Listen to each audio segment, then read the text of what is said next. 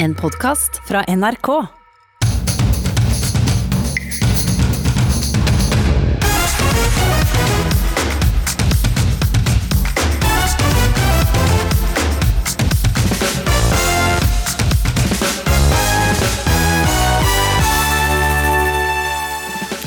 Frustrerte hytteeiere vil reise fritt til Stugan i Sverige i sommer, krever egne reiseråd fra regjeringen. Mathias ble rasende på kjæresten. Nå er han helfrelst på parterapi. Alle burde prøve det én gang, eh, selv om man ikke har problemer. Bare for å liksom bli bedre kjent med seg selv. For man eh, lærer så utrolig mye. Et tips inn i sommerferien som kan være tøff for mange par. Og Senterpartiets leder er kjent for sin smittende latter.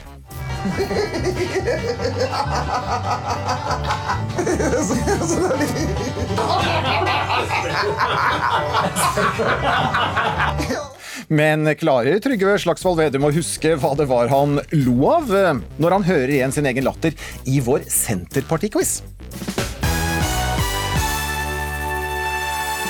For vi markerer at Senterpartiet har rundet 100 år. Velkommen til ukeslutt i NRK P1 og P2 på selveste sommersolverv. Jeg heter Vidar Sem, og i løpet av de to neste timene skal vi også innom dommen mot Eirik Jensen i går, og fengslingsmøtet som nå pågår.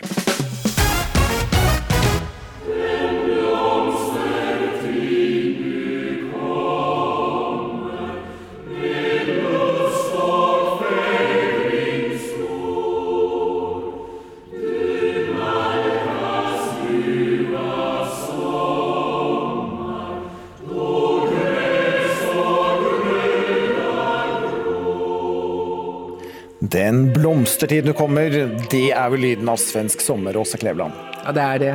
Det er det alle synger når, på siste dagen før skoleferien. Da er det den man synger. Og det er jo nå velkommen til ukeslutt. Tusen takk skal du ha. Du er født i Sverige og har tilbrakt eh, deler av oppveksten eh, der, og mange somre i vårt eh, naboland. Mm. Og selv om du har bodd og jobbet her i Norge det meste av livet, og vi kjenner deg jo både som artist, tidligere kulturminister, og med en rekke sjefsstillinger i norsk kulturliv, så er du også svensk. Veldig. Hva er så spesielt med svensk sommer? Altså, svensk sommer er jo Hvis, hvis vinteren er Norges årstid, så er sommeren Sveriges årstid. Og du kan se det på alt med i kunsten. Tenk på Evert Taube. Har, han er jo en av dem som virkelig har eh, vært med å forme denne, dette bildet av eh, sommeren. Men sommeren knyttet også da til midsommeraften det er jo altså det er den store dagen. Det burde være Sveriges nasjonaldag. Og det er jo i dag midtsommerdagen, eh, faktisk. Selve dagen. Altså stor fest hos eh, våre granner, og en feiring som også mange nordmenn har fått eh, glede av opp gjennom årene å være med på. Ja, jeg tror mange Vi har jo også nå på senere år har min familie vært, skal du si, ferie Eh, feriegjester i eh, Värmland og eh, bodd midt i den svenske sommeren hvert år. Og vi tar jo, og alle nordmenn som kommer over, tar jo veldig etter og elsker mange av de svenske ritualene. For mange ritualer har de også. Mm, ja, vi snakker maistang, sild og poteter. Ja, sild, sild, og potatis. Det, det må man det må liksom ha. Ja, Og så en liten skarp en. Og så Sånn at, eh, sånn at, eh, og det er musikk, det, men det er framfor alt det er midt i det grønne, vakre landskapet. Der sitter man gjerne, hvis man gjør det ordentlig, med blomsterkranser i håret og ja, Det ser nesten ut som om man hadde bare et bilde ut av en eller annen svensk film. svensk sommeridyll. Ja, svensk sommeridyll. Men for oss nordmenn, ikke i år. UDs reiseråd er klare. Bortsett fra Gotland, så frarådes reiser inn i Sverige. Hadde du noen gang trodd at våre to naboland skulle blitt atskilt pga. smittefare? Nei, det, det, det, har jeg ikke hatt fantasi til å forestille meg. Hvordan opplever du, da, som er både svensk og norsk, at våre naboland i praksis er stengt for fri ferdsel? Jeg vet hva, jeg, jeg, jeg klarer nesten ikke å ta det inn over meg, for det er så det er så uvirkelig, om det ikke var så veldig virkelig.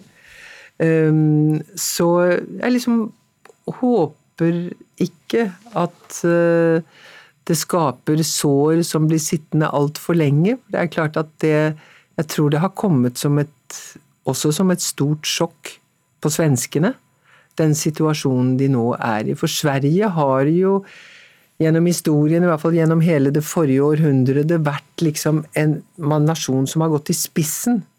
Det har vært trygt, det har vært et rikt land, det har vært ordning og reda. Ikke sant? Løning på fredag der man kunne stole på alt. Og så plutselig nå, så er det de som blir satt utenfor, fordi andre frykter at de skal kunne bli smittet på en eh, fryktelig måte. Og det, altså, det er jeg helt sikker på at det er noe tungt. Og, og det er jo så flott det fellesskapet vi har, at eh, vi må snart knytte det sammen igjen. Åse Kleveland, du er jo en sanger, øh, og som en trøst til nordmenn som ikke får oppleve svensk sommer i år. Øh, hva med et lite utdrag av en svensk sommervise, sånn helt spontant her i ukeslutt? Fy søren, det var Den kom uh, uventet. tar, du, tar du utfordringen? Ja. Bra! da, da vil jeg selvfølgelig synge bare noen strofer av en, en av de mest elskede svenske Taube-sanger. Mange av nordmennene bor jo også ved havet, så de lengter sikkert også etter havet.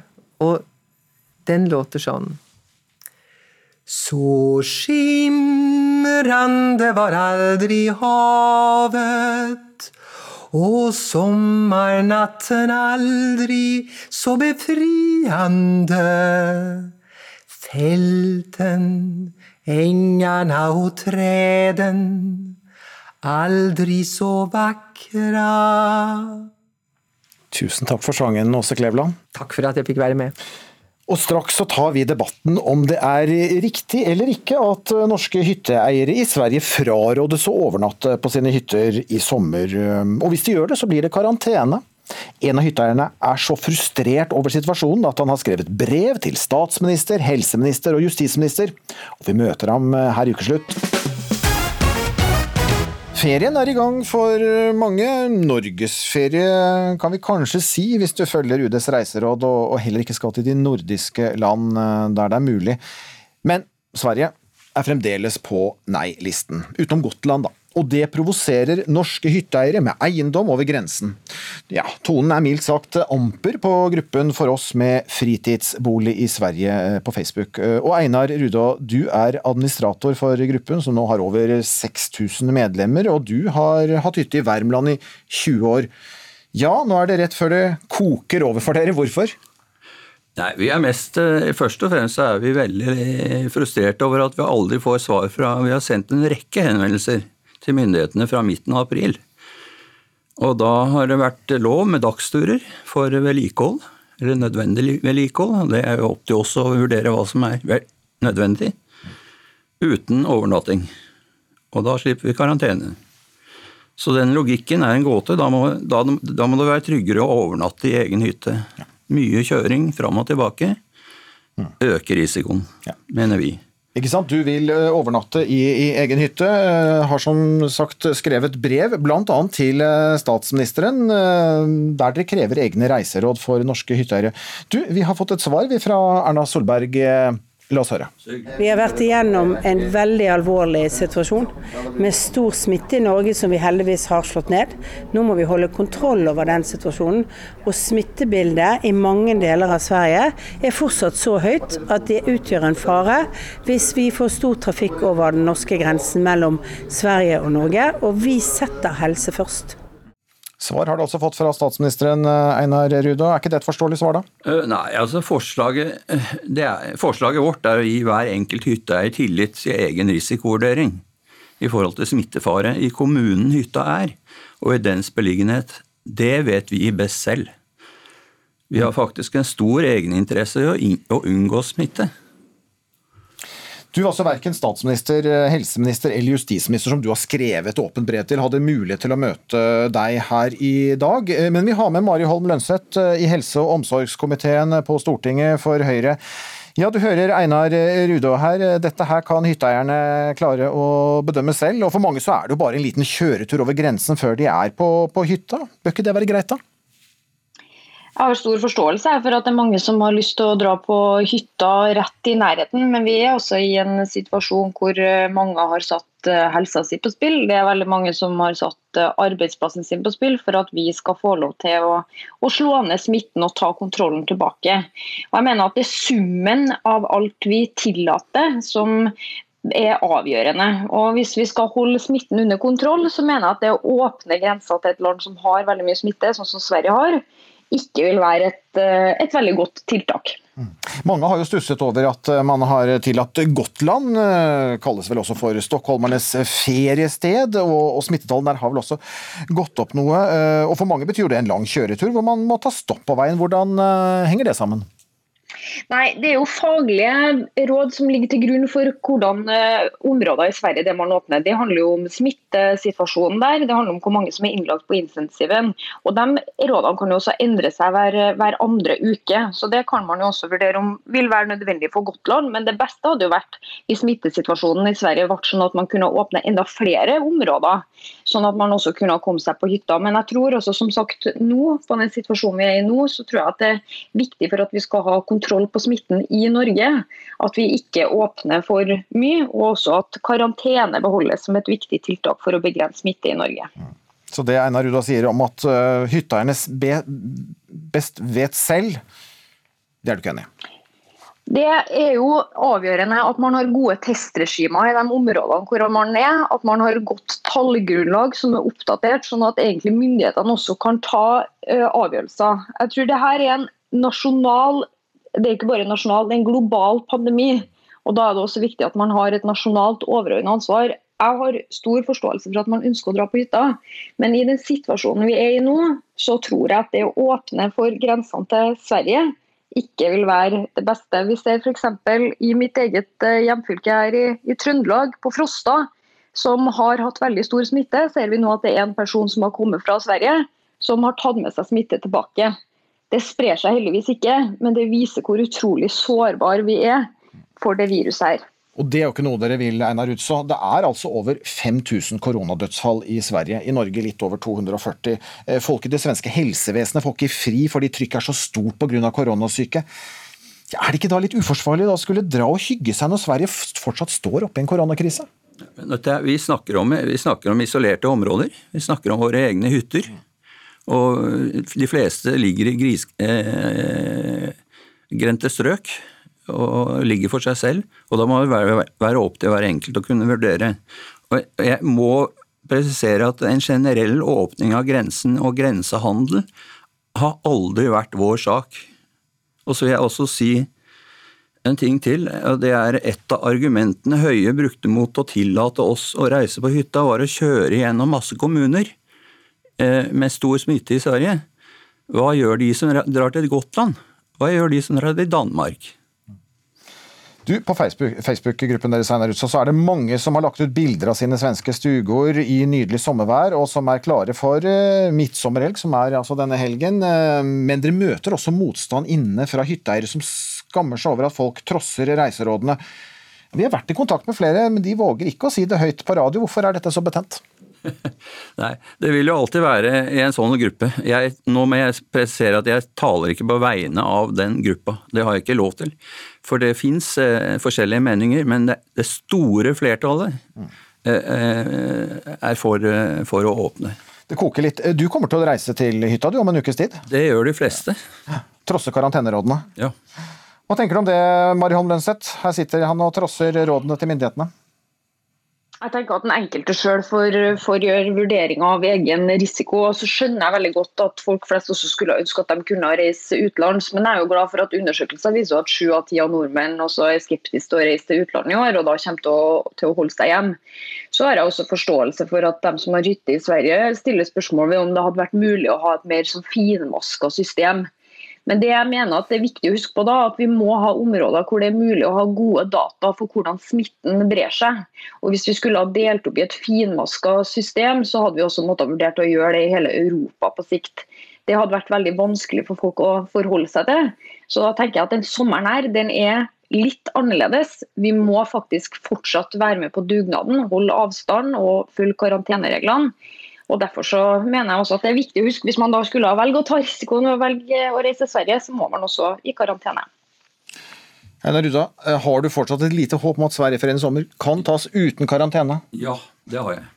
Absolutt. Eh, Mari, med- Mari Holm Lønseth, Ja. Håpet? Har du tro på håpet hans? Ja, jeg, jeg holder meg til rådene som også kommer. Helsedirektoratet har jo sagt at det er forhøya risiko. så jeg, Vi kan jo selvfølgelig krysse fingrene. Jeg tror vi alle sammen håper på at eh, alt skal bli normalt så fort som mulig.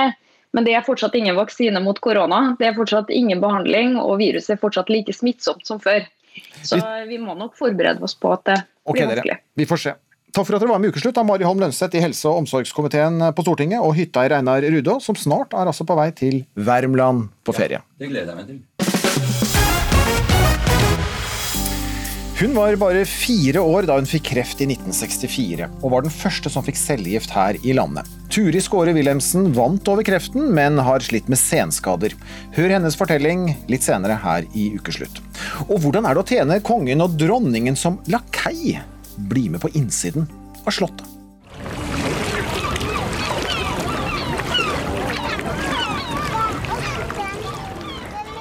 Ja, sommeren er her. Vi har så vidt lagt bak oss en krevende tid med hjemmekontor og hjemmeskole. Og nå skal vi være mer sammen med våre nærmeste igjen.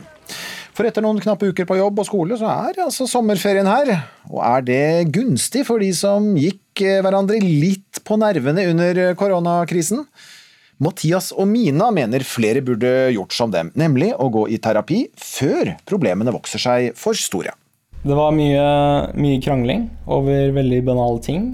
Det spant ofte bare helt ut av kontroll. Og vi skulle ta ut hunden. Eller at du bare skulle gå ut, og så spør jeg om du kan ta med søpla ut. Da, det kunne bli litt feil, for det hadde ikke han sett for seg. Mina og Mathias bor trangt og krangler mye.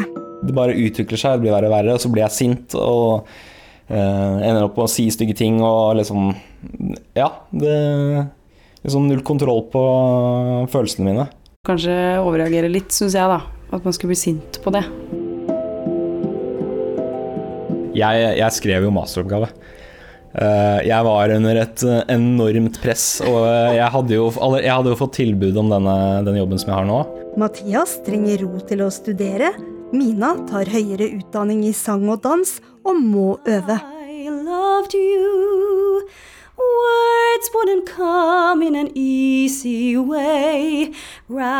Ja, det, jeg, jeg husker at i den perioden så bare våkna jeg hver dag og liksom eh, Nesten litt tungpusta. Jeg bare var stressa hele tiden. Det var aldri liksom eh, fred å få. Etter et halvt år nærmer forholdet seg bristepunktet. Men i stedet for å gå fra hverandre, melder Mina dem på i parterapi i podkasten til psykolog Peder Kjøs. Det var ikke populært hos Mathias. Første magefølelsen? Uh, nei, nei, nei, nei overhodet ikke. Men Mina får det som hun vil.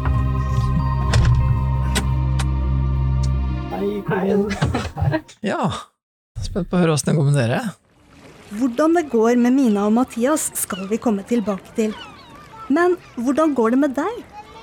Gleder du deg til ferien, eller er du redd for at den blir konfliktfylt som i fjor? Nei, Vi kan gå hverandre på nervene. Ulike. Noen er kveldsmennesker, noen er morgenmennesker. Eh, rot er forskjellig. Ja, mest det. Småting. Akkurat brettspill, da skal man være litt forsiktig. Så kan det gå litt hett for seg eh, til tider. Ja, hvorfor det? Ja, Vi hater å tape, da. Så enkelt som det. Jeg liker å ta- ta det litt så det kommer. Og samboeren min liker å planlegge ting. Så Psykolog Peder Kjøs ser klare mønstre hos dem som tar kontakt for å få hjelp med forholdet. Når det er eh, ferietid, eller i det hele tatt når det er store ting som skjer som gjør at hverdagen forandrer seg, så, eh, så, så kommer sånn, eh, forhold som er en litt skjør balanse, de kommer ut av balanse. Og da er det mange som tar kontakt. da. Um, ellers så er det jo ofte sånn at det er på slutten av feriene at man får disse her toppene i skilsmisser. da. Det er liksom september og januar, det er da folk skiller seg. Da har de holdt ut og prøvd å få det til å gi det en siste sjanse, og så har ikke det gått så bra. Men hva er faresignalene de som skal ut i ferie må være obs på? Jeg tror faresignal som du kan merke på deg sjøl, er hvis du gruer deg litt til ferien, og hvis du kjenner at du ikke helt orker å snakke om ferien. For det er den derre ikke-kommunikasjonen, det er jo det som er den store trusselen. For et par som kommuniserer godt og som holder sammen og har kontakt, kan jo klare nesten hvilken som helst utfordring eller belastning. Longing to tell you, but afraid and shy. Det er stress fra jobb, det er stress med denne pandemien.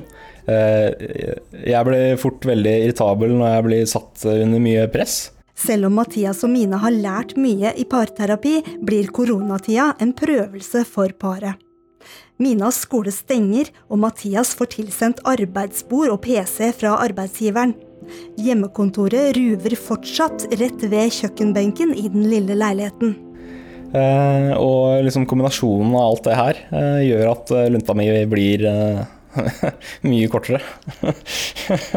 Men hvordan er du da?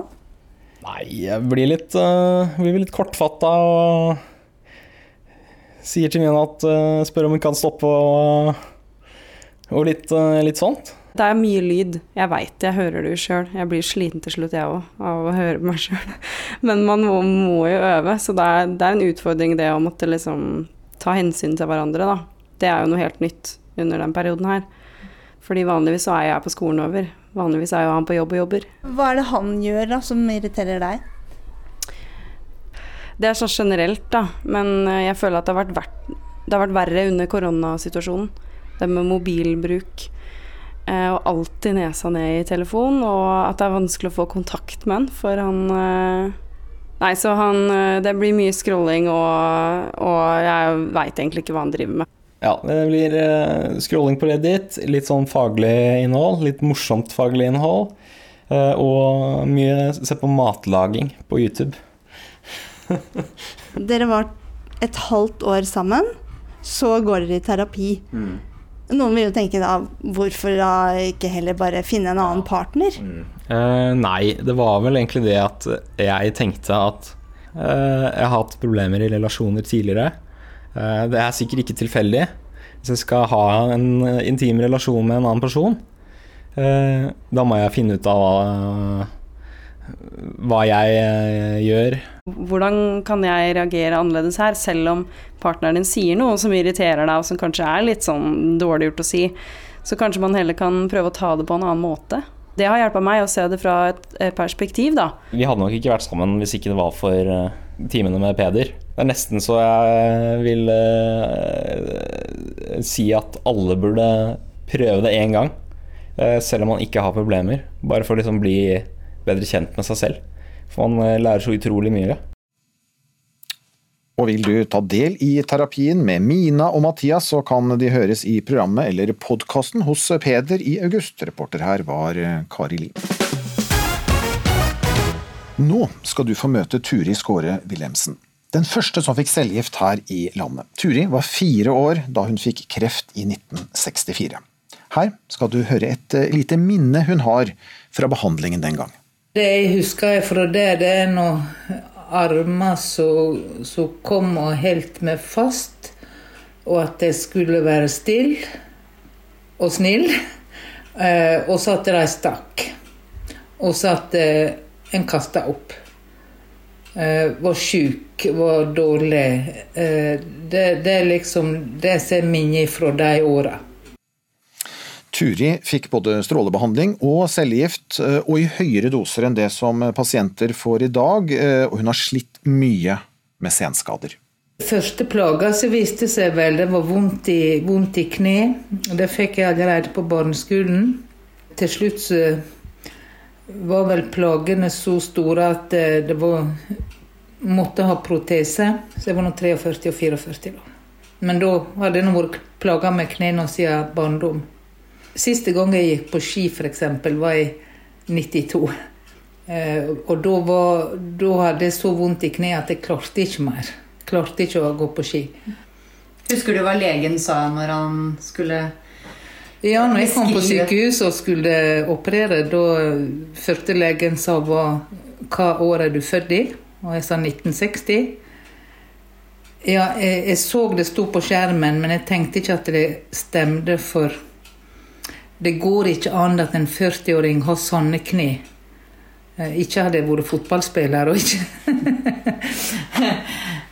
Altså, kan, kanskje hvis du var 80 eller 90, men ikke 40. Og så var det jo flere plager etter hvert. Det var det. Etter, altså Dette her med uro, eh, vansker med å sove, stress, anspenthet og sånn, det er noe som har fulgt hele tida. Eh, Og, òg problemer med munn, tenner, betennelser. Og tannlegene veit ikke helt verken hva de skal gjøre, eller eh, eh, hvorfor. Forstår ikke, forstår ikke seg på eh, Sånn som det plutselig blusser opp betennelser. Og, og så ellers eh, dette med smerte i kroppen. Det er noe sånn som en har daglig. Smerte som flytter seg. Altså En har alltid vondt i kroppen, og spesielt på morgenen. og øh, det kan være i ledd, det kan være i muskler. altså Det, det kan være sånn brennende Det brenner, svir. Og vondt, vondt å ta på kroppen, vondt å bevege seg, liksom. Vondt i ledd. Og så er det en dag her og en dag der. Rygg. Men du har smerter hver dag? Ja, det har jeg. Smerte hver dag i kroppen og smerte hver dag i munnen. Det har jeg hatt i mange, mange år. Men nå så forteller du om dette, så andre også kan Mm. eh, høre om det. Hva var grunnen til at du tenkte at nå så vil jeg fortelle om det? Altså på, Det er vel noe en har tenkt, tenkt på i mange år. Etter hvert som en begynte å få mer sånn eh, plage sjøl. Og begynte å tenke over den behandlinga en fikk. Eh, en stiller seg spørsmål, en leter etter svar. Altså, eh, har ikke vært noe oppfølging.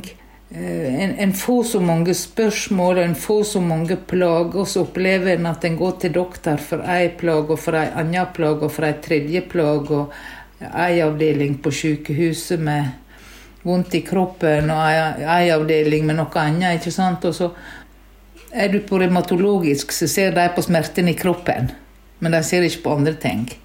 Og jeg tenker at det er en sammenheng, og kjenner godt sammenhengen. Og skulle ønske at det var noen som så hele kroppen og hele personen, og, og at jeg kan få noe svar. Og Det var kollega Mona Myklebust som hadde truffet Turi Skåre Wilhelmsen. Og du kan eh, nå lese mer om Turids historie og senskader etter kreftbehandling på våre nettsider nrk.no. Førsteamanuensis Hanne Katrine Lie ved atferdsmedisin ved Medisinsk fakultet ved Universitetet i Oslo. Eh, Du har forsket på livet etter kreft her i landet. Hvilket inntrykk gjør eh, Turids fortelling om sine utfordringer? Ja, det er jo eh, kjente, kjent historie som Turi forteller. Jeg har jobbet mye med å intervjue pasienter, som, eller ikke pasienter, men folk som har kreft i ung alder, og levd i mange år i etterkant. Og det hun opplever med diffuse smerter og plager som ikke passer inn i én instans i helsevesenet, og den mangelen på å se helheten og forstå hvorfor ting skjer, det har jeg hørt veldig mye av, dessverre. Finnes det anslag eh, over hvor mange da, som går rundt hver dag i dette landet med, med senskader etter kreftbehandling? Du, Vi har ikke veldig gode tall på det i Norge. Eh, Det vi vet fra internasjonal og norsk forskning, eh, det har blitt gjort på mye spesifikke diagnosegrupper. Men vi antar vel at det er rundt eh, 15-20% som sliter med mange senskader. Og Hva er det vanligste av senskader? Det er jo også et godt spørsmål. For eh, spørsmålet er hvordan du kartlegger disse senskadene, enten klinisk på sykehuset med undersøkelser eller spørreskjemaundersøkelse og selvrapportering. Nå har vi akkurat gjennomført eh, for noen år siden en stor nasjonal dekkende undersøkelse blant folk som har kreft i ung alder, og da var type kognitive tankeproblemer og trøtthet eller fatigue de to største. Og da var det rundt eh, 30% som rapporterte at de slet med kroniske fatigue og kognitive plager. Men vet vi at dette er eh, skader etter kreftbehandling, eller eh, kan det være andre årsaker også inne i bildet? Ja, Det kan det jo selvfølgelig. Livet er komplekst. og uh, Det er det som har vært vanskelig egentlig å skille. Hva er senskader etter kreftbehandlingen, og hva er belastninger fra livet generelt. Og Det tror jeg også er spesielt vanskelig for, for kreft og levercell, er jo å skille mellom hva er på en måte konsekvenser av kreftbehandlingen, og hva, hva er en frisk kropp? Hva kan man forvente av en frisk kropp? For det, det har de jo ofte ikke erfaring med hvis de var syke som unge, sånn som Turid. Mm.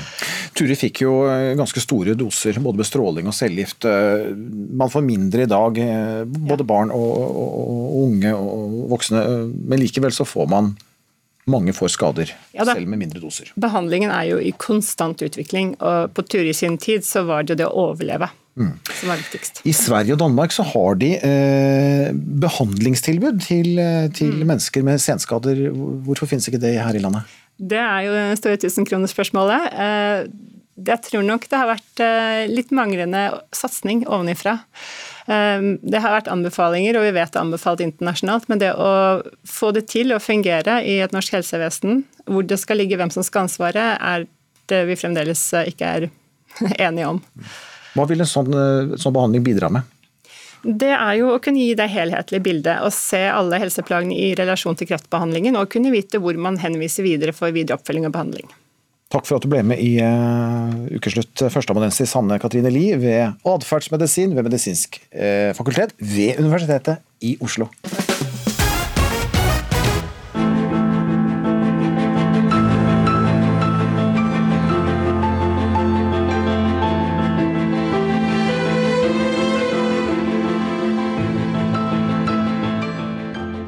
Ja, Kjente toner dette her for mange. Lyden av serien Downton Abbey som tar oss med tilbake til en svunnen tid. Til aristokratiet, der herskapsfolket hadde teselskap i vakre kjoler, mens tjenestefolket serverte og holdt til i kjelleren. Hierarkiet var klart og tydelig, og på ingen måte slik vi lever i dag. Men hos noen er det annerledes. Eh, Tove Tollesen, velkommen til, eh, til ukeslutt. Tusen takk. Du har nettopp gitt ut eh, krimboken 'Dronningen som utspiller seg på Slottet'. Og du har tidligere jobbet som lakei for kong Harald og dronning Sonja. Det gjorde du i ti år. Aller først så må du fortelle oss, hva er en lakei?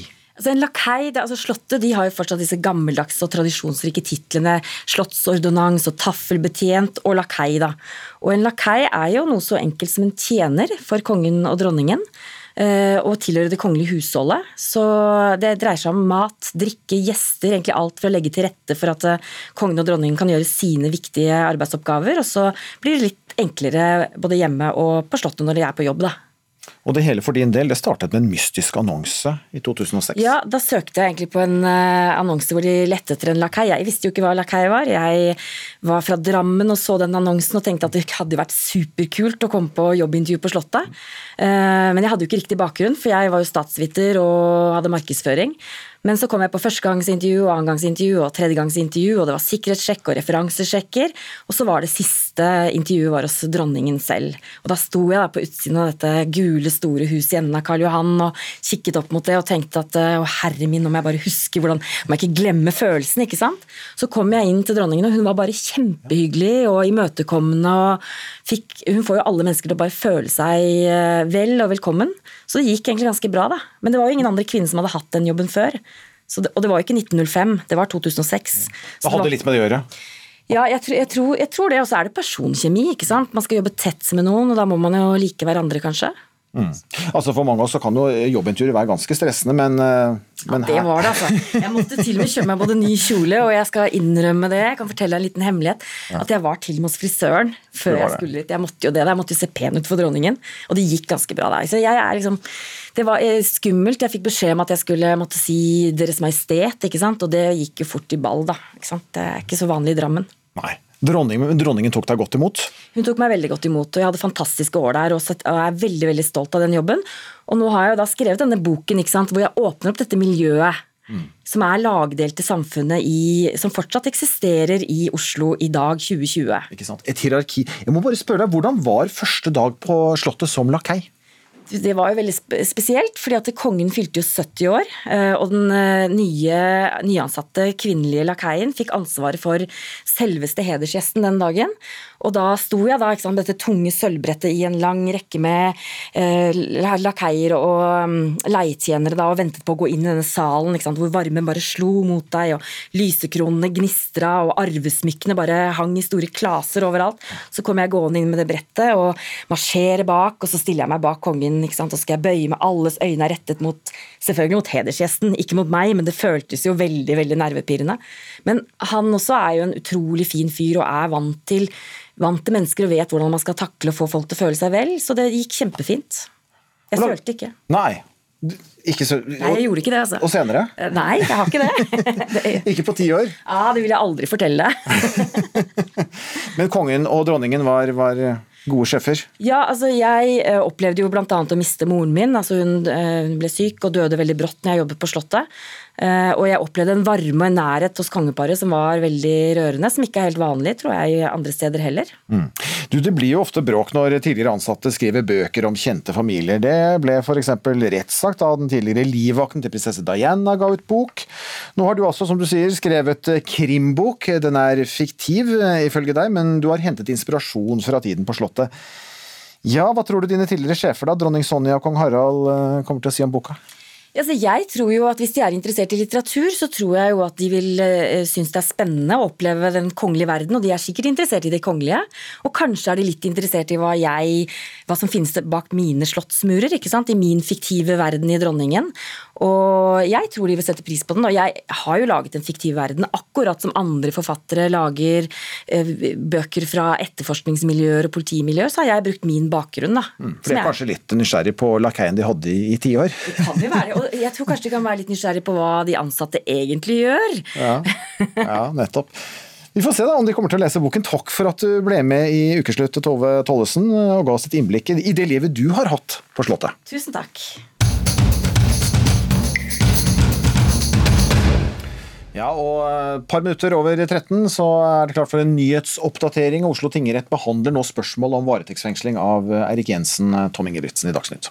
Ja, Spesialenheten ba i dag retten om at den tidligere politimannen varetektsfengsles i, varetektsfengsles i fire uker, etter at han i går ble dømt til 21 års fengsel for grov korrupsjon og medvirkning til innførsel av hasj. Jensen anket dommen på stedet i går, og han ba i dag retten om at han ikke blir varetektsfengslet fram til anken er behandlet av Høyesterett. Jensen forsvarer advokat John Christian Elden understreker at det ikke er riktig at skyldspørsmålet er endelig avgjort. Kjennelsen i tingretten er ventet ca. klokka 14.30 i dag. Og så blir det igjen tillatt med tilskuere på fotballkamper i Frankrike. Ja, franske myndigheter de vil nå tillate inntil 5000 tilskuere på kamper fra 11. juli, det melder Reuters. Den franske toppligaen ble stanset da koronakrisen rammet landet, og en mester ble utropt. Og når ligaen starter opp igjen, så blir det altså med relativt mye folk på tribunene. I norsk eliteserie er det jo maksimalt bare 200 tilskuere. Ja, og en venstretopp har tatt et oppgjør med Fremskrittspartiet. Ja, parlamentarisk leder Terje Breivik sa i en tale til partiets landsstyre i dag at Venstre må si et klokkeklart nei til framtidig regjeringssamarbeid med Frp. Breivik mener at regjeringssamarbeidet som har vært med Frp har gitt Venstre dårlige meningsmålinger og liten troverdighet hos sentrumsvelgere. Takk for den nyhetsoppdateringen, Tom Ingebrigtsen. Vi skal til eh, fengslingsmøtet mot Erik Jensen litt senere denne halvtimen. Gloria Gaynor, I Will Survive. Og noe som er en survivor, eller er vel varmerekorden i Nesbyen. For i dag er det 50 år siden eh, i Nesbyen i Hallingdal ble Norges varmeste sted. Rekorden har vært truet mange ganger, og senest i fjor. Bygdas identitet kan stå for fall om varmerekorden en dag forsvinner. For 50 år siden, litt før klokka 19 på kvelden, så gikk observatøren Borghild Syversen opp denne trappa og leste av maksimumstemperaturen 35,6 grader. 35,6 er tallet som får det til å bruse av stolthet i Nesbyen. Gjennom hele 50 år har varmerekorden satt bygda på norgeskartet, og ingen har kunnet måle seg med denne junidagen i 1970, da kvikksølvet nådde 35,6. Statsmeteorolog Jon Smits forklarer hvorfor. Ja, Det har mye med terrenget å gjøre. Det er et eh, ganske markert eh, dalføre. Lite vind, lufta blir stående i ro, varmes opp av sola over også litt sånn store åpne åkre og jorder nedi nede i dalbunnen. Og så er det en del områder som er ganske litt sånn tett bebygd og litt sånn småskog, som gjør at eh, lufta ikke skiftes ut og bare varmes opp og varmes opp utover ettermiddagen og mot kvelden. Statsmeteorologen har selv tatt turen til Nesbyen for å feire jubilanten, og der det 20.6.1970 sto en målestasjon, befinner grunneier Dag Smestad sin klesvask seg i dag. Men det er ikke alle som har et tørkestativ som står på Norges desidert varmeste plass, til og med dokumentert varmeste sted. Så det, dette det burde egentlig vært merka, hatt en sånn liten sånn plakett her, sånn Norges varmeste tørkestativ. Klestørk på 20 minutter. Han har lagt det inn på GPS-koden. Ja, ja, det har det. Ja. Ja. Så bra. Hvor, hvor fort tørker tøyet her, da? Det er så vidt du rekker å holde det opp, det, så er det tørt. Må du inn igjen med det. Skal vi se. Skal vi se. Nei, nå leter jeg etter eh, en konvolutt som, som bare er merka Nesbyen varmegrader. Putter du en nyhetssak om været på forsiden av en avis, så kan du regne med at den selger. Arne O. Lindahl, journalist i Hallingdølen, tar et dypdykk i avisas arkiver hvor den 50 år gamle varmerekorden har en helt egen mappe. Og det er da skrevet mange kilometer om, eh, om Nesbyen. Og varmegradene. For Nesbyen i Hallingdalen er rekorden hellig, og nåde dem som bøller med den, forteller journalist og tidsvitne Lindahl. Jeg husker godt den, den dagen fra 20.6.1970. Ja. Eh, da satt folk i kjellera, for at de syntes det var altfor ubehagelig å være ute. Ja. Eh, mange bada selvfølgelig, det, det tar jeg for gitt. det, Men, men eh, eh, det, det blir jo sagt at folk prøvde å steike egg på asfalten. Så varmt var det. Ja. Eh, og Sjøl var jeg på av de som sprang rundt barbeint for å kjenne hvor, hvor varm asfalten var, men det var helt umulig. Du brant det.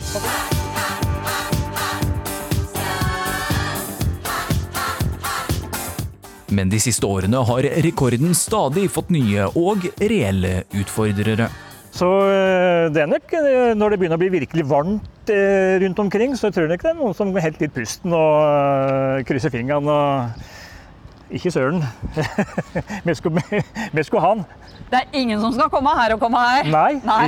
varmerekorden den, eh, den hegna nesningene veldig om. Altså. Men til tross for bygdas slagord Nesbyen er varmest, og tar 50 år til. så spøker det nå for 100-årsjubileet. Eller hva tror du, Jon Smits?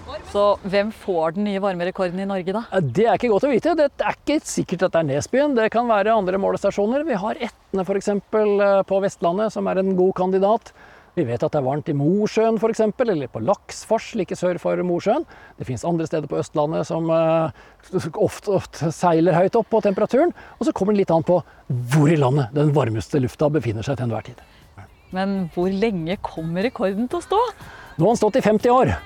50 år til, ja, det tviler jeg på. Men eh, foreløpig så ser det ut som han står ganske støtt. Men det var trua i fjor med 35 grader i Mosjøen. Ja, reportere her det var Filip Johannesborg og Karoline Bekkelund Hauge. Og så får vi høre med meteorologen litt senere i sendingen om det ligger an til noen eh, rekorder denne helgen.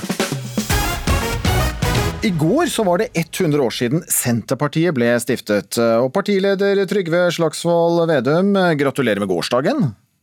Ja, tusen takk. tusen takk. Du ble 100 Vi skulle egentlig ha kjempejubileum nå, men eh, det ble jo koronaen, så vi har utsatt liksom selve jubileet til høsten. da. Men det var i går 100-årsdagen var. Hva ble det i går, da? Kake og jordbær? is. Is? Ja. Nei, jeg spiste en is. Norsk fløte, fløteis. Det var godt. vet du. Så tenkte jeg at da skapte jeg litt arbeidsplasser i tillegg. Men senere i Det var rolig. Det var en rolig feiring, eh, men senere år så blir det full eh, fest? Ja, det, altså, vi, begynte egentlig i januar, og har hatt noen sånne kulturkvelder i Telemark, i Vestfold, i Agder, Oslo. For vi- skal ha én én kveld i hvert fylke. Men så kom koronaen, og da var stoppa, stoppa alt opp. Og så skal vi ha en stor jubileumsmarkering i Lillehammer, som egentlig skulle vært nå, men eh, den blir da i november istedenfor. Ja, og da blir det full fest, for det i Senterpartiet så er dere glad i å feste. Altså, vi er glad i å danse. Ja, det har jeg hørt. Dans er glede, dans er ikke prestasjon. Så det blir kultur, det blir folkeliv og det blir taler. Men selvfølgelig til slutt så skal det være dans. Du, Vi tenkte å markere her i Ukeslutt eh, at Senterpartiet er 100 år. eh, Og da eh, partiet ditt ble 90 år, så tok din forgjenger Liv Signe Navarsete en Senterparti-quiz her i Ukeslutt. Ja, Det ble ikke toppscore, men, men middels resultat. Eh, Nå har vi laget en oppgradert versjon til deg. Er du klar for Senterparti-quiz? Jeg er klar. Jeg er klar. Jeg er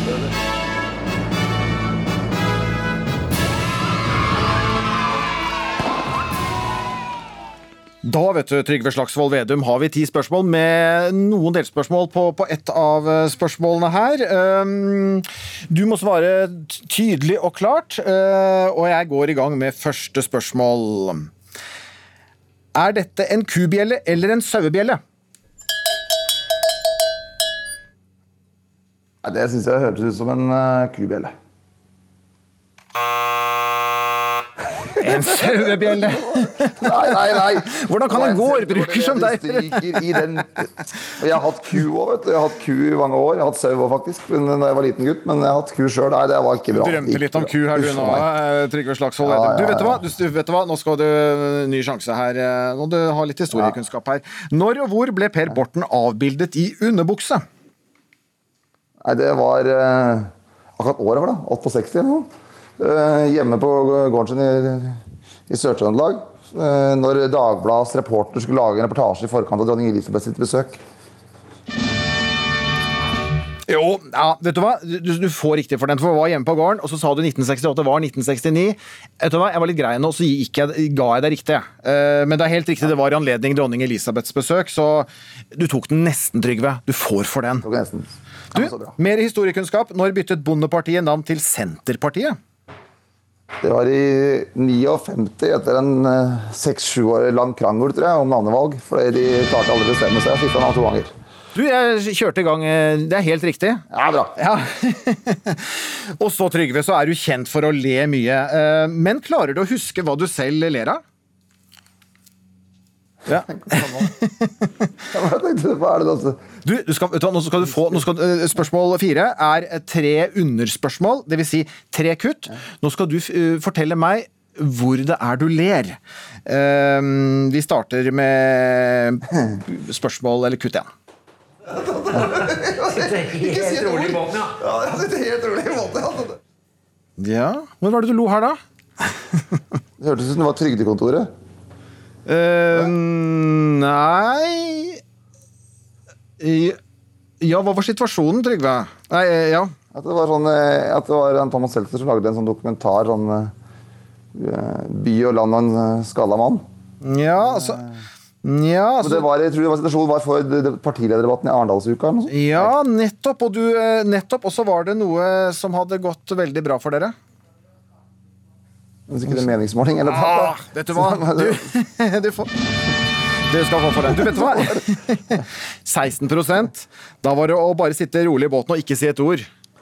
Husker du den? Ja, Du, her kommer, her kommer eh, Trygve Latter nummer to. Jeg tror det er litt skummelt hvis jeg lanserer den. Ja, hvor, er- hvor er vi nå, da? Nei, det har ikke peiling, rett og slett. Lanserer den. Ok. Har, jeg har ingen anelse. Da blir det feil på den. Du, dette her var eh, også fra valghøsten i fjor. Her skulle du se på en ny pub og sa at Senterpartiet enda ikke hadde lansert en ny ølstrategi. Husker du den? Jeg husker den. Det var i, det var i Oppland. Nordre Land kommune. Her skal du få latter nummer tre. Sånn er det. Sånn er det. Ja, men nå er det kvelden, tror jeg. Kort, men fyndig. Eh, Ja, hvor, hvor, lo du her? Ja, nå det kvelden. Nå tror jeg, det, det tror jeg var i etterkant av partilederdebatten i Arendal. Ja, og hva slags Nja, Ja, var det, hvem var eh, Ja, og hva, hva var omstendighetene? Det var en som sa noe til deg? Ja, det var, jeg, tror det var, jeg tror det var Thomas Seltzer som sa noe. Nei, det er feil! Nei. Du, dette var etter en bompengedebatt før siste valg, hvor Siv Jensen sa til deg Jeg lurer på hvorfor du står der og berter deg nå. Ja, men det var, på den, det var, den, det var den kvelden. Det var, det var i Arendal. Men det er greit. Okay, Ja, ja, det ja. Det, det var det ja. Hva syns du om det å berte? Det er var det et godt ord? Å berte seg? Jeg, jeg kjente meg ikke igjen i det hele tatt, men Eh, Men sånn må det være. da. Siv prøvde å si noe morsomt, så det er veldig ufarlig. Men jeg kjenner meg ikke så veldig bertete, egentlig. Hvem har blitt besk... Nå- Du vet hva, nå skal, nei, nå skal du få spørsmål nummer fem. Hvem har blitt beskrevet som din frenemy? En både fiende og venn. Har ikke peiling. Ok, En partileder. Fiende og venn? Frenemy. Er det, Jo- er det Jonas, da, eller? Eller hvem er det? Fiende og venn? Ja. Du får for den. Vet du hva? Større, altså, må si. Ja, du, det, det, ble større, det, ble større, det ble større. Du, ehm, spørsmål seks. Hva er slådd? Ja, det er eh, et redskap som man for å jevne ut jorda. Som man gjør ofte da, etter den er pløyd, så slådde man jorda. Den skal du få for. Det skulle bare mangle gårdbrukeren Trygve Slagsvold Vedum. Han kan hva en slå der. Ja, det hadde vært forferdelig hvis ikke hadde gjort det. Det hadde vært skikkelig ille. Du, hvem sa til deg um, Er du klar for enda en sen kveld med meg? Siv Jensen, tenker jeg. Kanskje. La oss høre. La oss høre. Klar for enda en sen kveld med meg? Ja, Det er Audun, da. Ja, det, ja, latteren var i hvert fall med her, eh, Trygve. Ja. Du får ikke for den. Det er jo en eh, del, altså Vi partiledere vi, det blir jo en del, i hvert fall i valgkamp, så blir det jo en del sene kvelder. Og vi ender jo ofte samme plassene pga. partilederdebatter og sånn. Jeg skjønner. Det er ikke lett å huske alle latter og alle sammenkomster. Du, nå, eh, men dette her bør du kunne, for på hjemmesiden deres så har dere listet opp ti gode grunner til å stemme Senterpartiet. Hva er grunn nummer fem?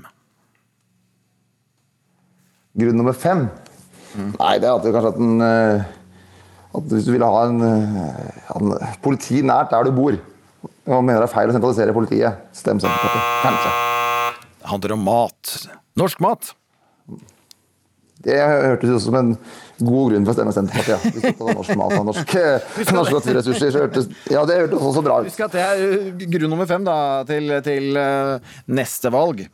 Du, uh, Det var grunn nummer én, da? Spør du meg? Ja, det, er ikke min oppgave. Nei, det er ikke din oppgave. Trygve Slagsvold Vedum, eh, to spørsmål igjen. Hvem sa til deg, eller sa om deg, han ler mye, men politikken hans er akkurat like dårlig nå som den alltid har vært? Ja, det var Siv Jensen, det vet jeg. Ja da, og da har vi et spørsmål igjen. Og vi har lekt oss litt med lydmikseren. Nå må du høre veldig godt etter. Uh, hvem i ditt parti hører vi her? skuffa, og jeg mener at regjeringa mangler ambisjoner for det norske forsvaret. Ja, hva er svaret? Jeg tror det er Liv Signe, for det var det norske forsvaret. Det var dessverre ikke det. Sandra Borch er det vi har eh, mikset litt på her. Men du, eh, Trygve Slagsvold, nå nå, nå regnes det mye her. Eh, gratulerer. Du har klart seks riktig av 13.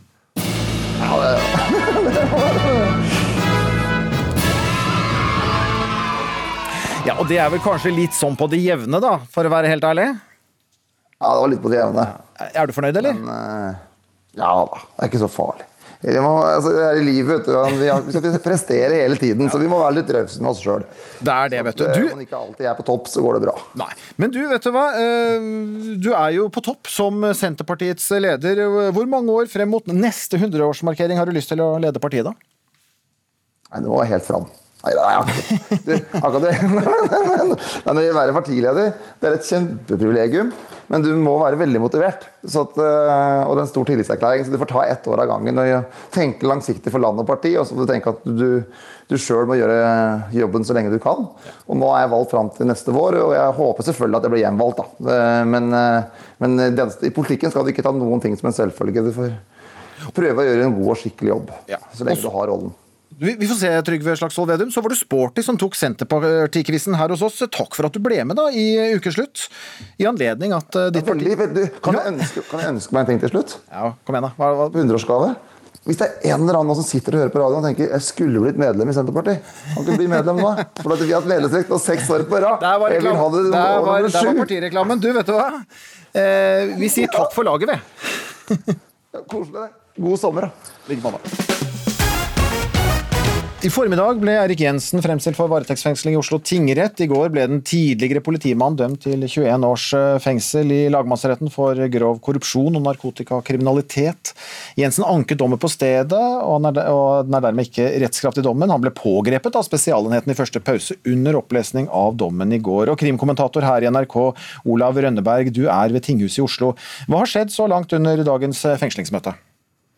Eirik Jensen eh, møtte jo da i retten og argumenterte for at han eh, mener han skal løslates. Det var en tydelig preget Eirik Jensen vi så i retten i formiddag. Han var iført eh, skjorte og jeans eh, slik vi har sett han før, men eh, han var lavmælt da han svarte på rettens eh, spørsmål. og Det var helt tydelig eh, å se på han at eh, gårsdagen og nattens eh, hendelser har vært en kraftig påkjenning. Skyldig eller ikke, så må det jo ha vært en påkjenning å først få 21 års fengsel, og så bli kastet i fengsel etterpå. Hva sier hans forsvarer? Ja, Forsvarerne hans argumenterer jo for at han skal eh, løslates. Spesialenheten for politisaker mener det vil støte den allmenne rettsfølelsen. At folk flest vil reagere dersom Jensen, eh, dersom Jensen slippes fri, nå som saken hans eh, da har fått sin avgjørelse, i hvert fall i forhold til skyldspørsmålet. Mens forsvarerne argumenterer med at skyldspørsmålet ikke er avgjort. Advokat Jon Christian Elden brukte mye tid på eh, å si at dette skyldspørsmålet kan ankes til Høyesterett hva angår bruken av loven, lovanvendelsen, rettsanvendelsen og da saksbehandlingsfeil. Så Elden argumenterer med at, at Jensen må være fri til denne anken er skrevet og til Høyesterett da behandlet disse spørsmålene. Mens påtalemyndigheten ber om altså fire ukers varetekt. De ber om fire ukers eh, varetekt, og nå har da retten, dommeren, trukket seg tilbake for å vurdere dette. Eh, og så skal man da klokken 14.30 er det varslet at eh, det trolig vil komme en kjennelse. Så akkurat nå sitter Erik Jensen i arresten i kjelleren på tinghuset, mens hans samboer da oppholder seg i selve tinghuset. Han, han fikk besøk av samboeren sin og en, en støttespiller til ved starten av rettsmøtet. Han fikk også lov å gå bort til henne og gi henne en klem og veksle noen ord da, før han igjen ble ført ned i arresten. Og Den kjennelsen den kommer etter vår sending, så da får vi bare følge med på NRK Nyheters dekning. Takk skal du ha, krimkommentator her i NRK, Olav Rønneberg. Jeg har fått eh, her i studio besøk av Leif A. Lier. Du, er, du har tidligere vært eh, Eirik Jensens sjef på midten av 90-tallet ved Oslo-politiet. Og du mener dommen som Eirik Jensen fikk i går, eh, er for streng. Hvorfor det? Jeg mener den er for streng fordi at eh, man, hvis man ser på andre saker, f.eks. Anders Behring Breivik, som fikk akkurat den samme dommen for å drepe 77 mennesker, rasere regjeringskvartalet og skade masse mennesker som flyr med traumer, eller man har masse traumer i dag. Og så har da Eirik Jensen blitt dømt for medvirkning til hasjimport. Altså noe av de svakeste narkotiske midlene vi har sammen med marihuana. Det er ikke noe forhold mellom disse eh, dommene, og jeg mener noe galt med, med men, men jeg vil ikke kritisere dommerne, for de bare følger loven. Men det er Stortinget som vedtar loven og strafferammer. Nå var det forslag at det var forvaring for Anders Behring Breivik, da. Riktignok. Ja, men det kan godt si, men uansett så var det 21 år. Ja. Jo Stigen, eh, professor ved Institutt for offentlig rett ved Universitetet i Oslo og ekspert i strafferett. Du er ikke like sikker på at dommen er for streng. Hvorfor ikke? Altså, For det første så um, Hvis vi skal sammenligne med 22. juli-saken, så er det et poeng det, det du trekker fram, at der er det jo forvaring. Så for hans del vil det i realiteten si at han blir sittende livet ut på forvaring. Det, det tror jeg nok vi kan regne med. Mens uh, Jensen vil slippe ut etter 14 år. Hvis denne dommen nå blir stående, altså straffen, skal jo påankes nå til Høyesterett, så den kan jo endres. Eh, Men ellers så, så syns jeg jo hele tiden at vi skal ha en debatt om hva som er riktig straffenivå, og jeg vil ikke sånn generelt være talsmann for strenge straffer. Jeg tror faktisk det viktige er at man blir straffet, og ikke, man skal ikke ha for stor tro på at straffene må være så strenge. Jeg tror, Det er egentlig litt paradoksalt, for jeg tror hvis man spør folk i gata om Jensen-saken, så vil folk si at det verste med den saken er det sviket Jensen har eh, gjort. Altså korrupsjonssiden. Og for korrupsjon er det en maksstraff på ti år. Mens det han egentlig har fått mest straff for, det er som Lier sier, narkotikaforbrytelsen. Og det har i mange år vært sagt at vi har for strenge straffer for narkotikaforbrytelser. Det er det mange som mener. Og det må være lov til å mene, og det skal være en debatt hele tiden i samfunnet. Men det er sjelden altså vi har eh, korrupsjonsdommer innad i politiet, og det, eh, slik jeg forsto deg rett da vi snakket sammen litt tidligere, så er det en svært alvorlig sak. Ja, den er svært alvorlig, så, så, noen vil sikkert mene at der er strafferammene for lave, mens de er for høye for narkotikakriminalitet. Man har jo sammenlignet, jeg leste dommen fra i går, og man har jo sammenlignet med andre narkosaker, så som Lier sier, hvis dommerne nå skulle sette seg ned og se på andre narkosaker, så så tror jeg det er lett å være enig i at da kan det være en riktig straff man har kommet til. Så jeg tror det Lier mener at generelt så er straffenivået for strengt for narkoforbrytelser. Ja, i hvert fall når det gjelder sånn som hasj og marihuana, som er for så vidt svake narkotikastraffer i forhold til kokain og heroin osv. Så, videre. så jeg tror samfunnet og politikerne bør ta en gjennomgang på dette og se om straffenivået er riktig i disse narkotikasakene. Mm. Og Der går, eh, går debatten og, og, og uenigheten. Eh, en, eh, en, annen ting er, er, dette her som du var inne på, det snakket med deg i går, Leif Alier. Om en slik dom også kan skremme andre i politiet til å ha tett kontakt med informanter, og, og kanskje da tungt kriminelle informanter. Ja, det kan, i hvert fall medføre at det blir forsiktigere. Fordi at hvis man skal få opplysninger som fører til store internasjonale bander blir avslørt, så må man få opplysninger fra kriminelle. Du kan ikke få det fra fru Hansen på Galgebar. Hun har ingen informasjon å gi.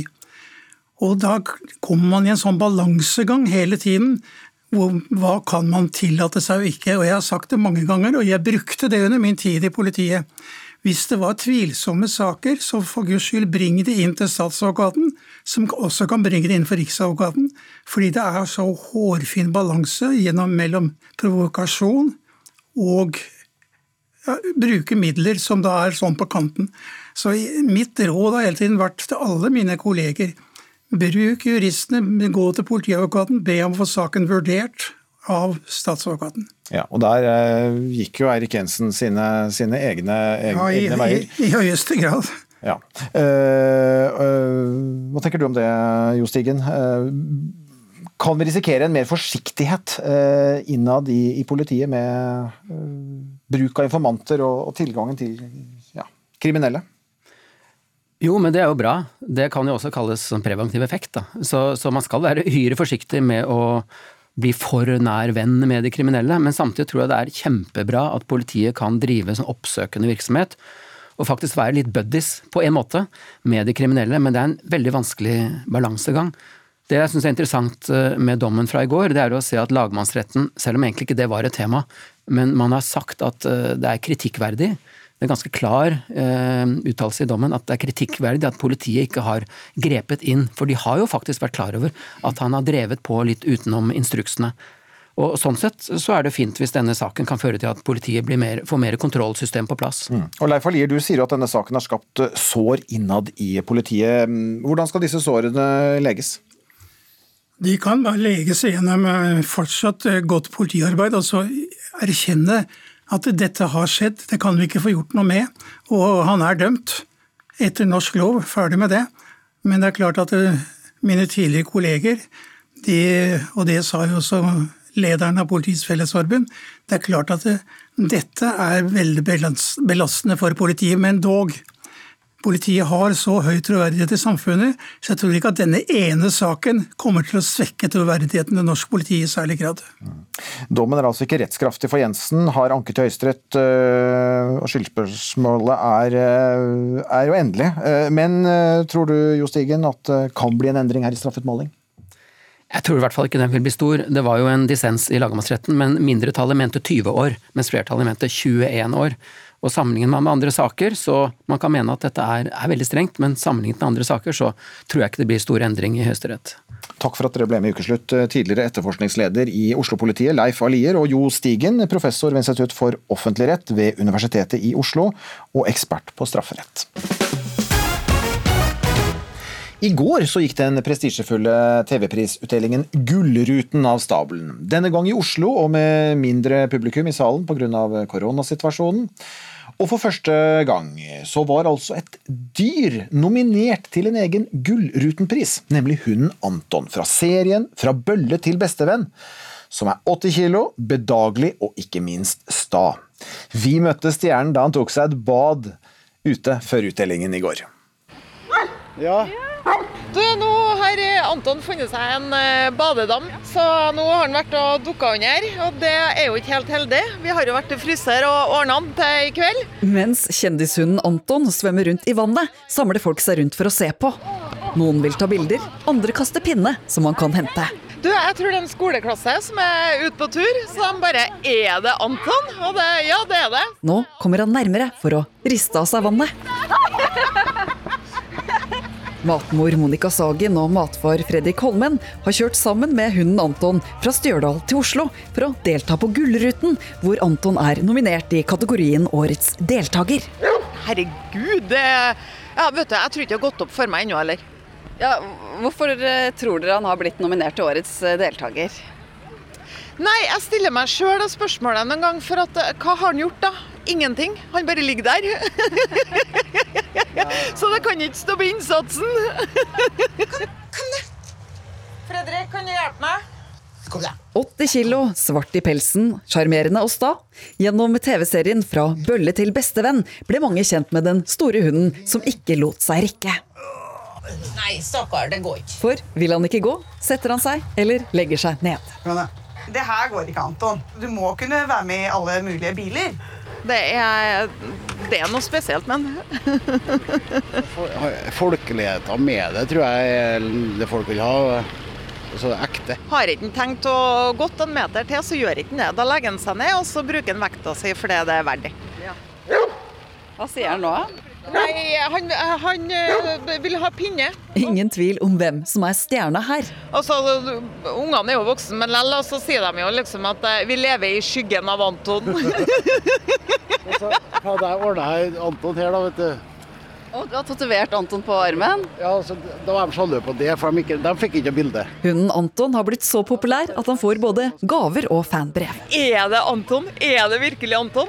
Ja, det er jo det. ja. Før Gullruten er de spent på om de klarer å få Anton opp på scenen om han vinner en pris. Ja, Det går ikke an å bære den heller, så jeg vet, ikke om det går an å lokke den med noe kyllingpålegg. Vi får prøve det, da. Matmor Monica øver på takketalen. Det, jeg, jeg blir veldig fort rørt og glad, så tårene kommer. Og håper også at hovedpersonen, den store svarte hunden Anton, lager litt lyd om han vinner. Jeg håper jo det. Jeg syns jo det hadde vært eh, kjempeartig om han hadde bare voff. Det hadde jo vært litt artig. Anton, skal du vinne Gullruten? Men akkurat nå er han mest interessert i å bade, så det spørs om de klarer å få han med seg videre. Han må jo få lov, men eh, det blir veldig mye arbeid på oss etterpå. To timer føning. To timer føning og børsting etterpå. Men det går bra, det. Ja, reporter her var Line Forsmo. Og hvordan gikk det i går?